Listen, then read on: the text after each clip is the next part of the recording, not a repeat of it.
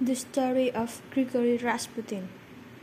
Rasputin was born to a peasant family in the Siberian village of Pokrovskoye in the Tiumenskaya Uyezd of Tobolsk Governorate.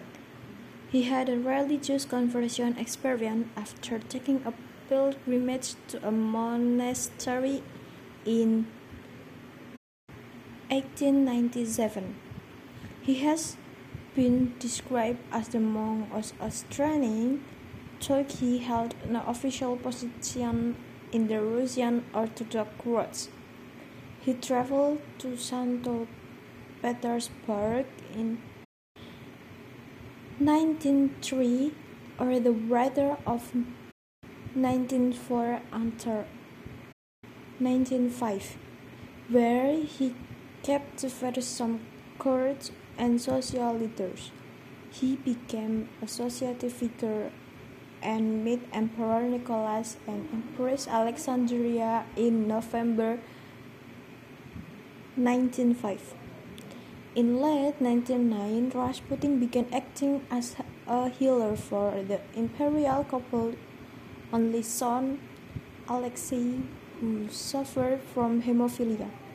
He was a div divisive figure at court, seen by some Russians as a mystic, visionary, and prophet, and by others as a religious charlatan. The high point of Rasputin power was in 1915 when Nicholas II left St. Petersburg to oversee Russian armies fighting World War I increasing both Alexandra and Rasputin influence.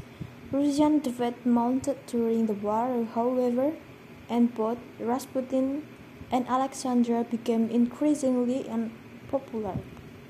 In the early morning of 3 13 December 1916, Rasputin was assassinated by a group of conservative noblemen who opposed his influence over Alexandra and Nicholas. Historians often suggest that Rasputin's scandalous and sinister reputation helped discredit the Tsarist government and thus helped precipitate the overthrow of the Romanov dynasty a few weeks after he was assassinated Accounts of his life and influence were often based hearsay and rumor.